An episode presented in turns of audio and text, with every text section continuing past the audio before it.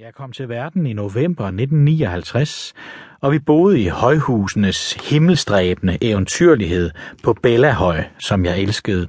Fra mit værelse på 10. sal var der udsigt helt til Sverige. Hvis jeg sænkede blikket lidt, kunne jeg se den røde karré nedenfor Bellahøjmarken, hvor min mormor og morfars lejlighed lå. Jeg kunne også se genforeningspladsen, Lige bag ved den voksede min far op, og der boede min farfar stadig med en kone, der ikke var min fars mor.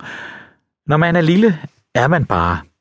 Nykværnet kaffe i brusen, lærkens euforiske kvidren, jordbær med sukkermælk, storbyens tårne glimtende i solen.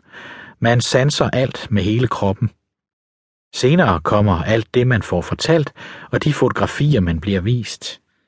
På et af dem står jeg i brune sko, frakke og tophue med nogle højhuse i baggrunden. En lille voksen, der misser mod kameraet. Du var sådan en kvik dreng. Højhusene lå frit og var omgivet af lys og luft. Min bedsteforældres røde karré var som en borg.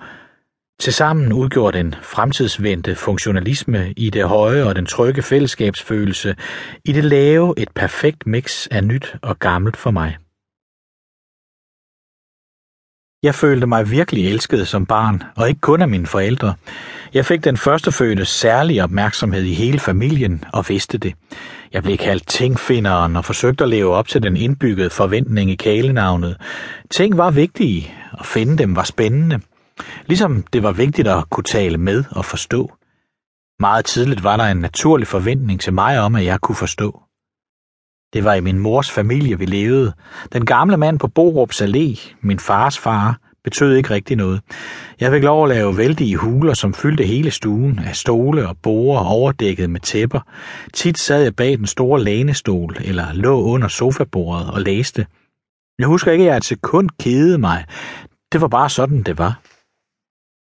Omkring min morfar og mormor Elvira og Niels, der havde mødt hinanden på mælkeriet Enigheden på Lygten, var en kommen og gåen, og navne på mostre og fastre og fædre og kusiner sværede gennem luften i en uendelighed.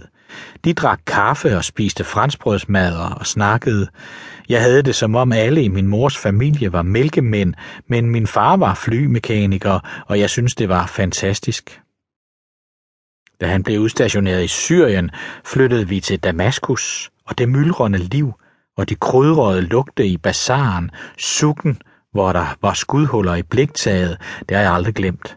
Jeg gik i engelsk børnehave, og det var lederen, Mrs. Reed, der sagde til min mor, at jeg var kvik. Vi boede i Damaskus et par år, og da jeg mange år senere kom til Cairo, følte jeg mig sært hjemme. Jeg var meget sammen med min mor, vi var fortrolige, for min far var tit ude og lave fly et eller andet sted i verden. Mens hun ventede min bror og en dag lå og sov til middag, åbnede jeg hendes ene øje, hvorefter jeg med alvorsmine udbrød, Mor, du ligner et faldende jordskælvs trætte blå øjne.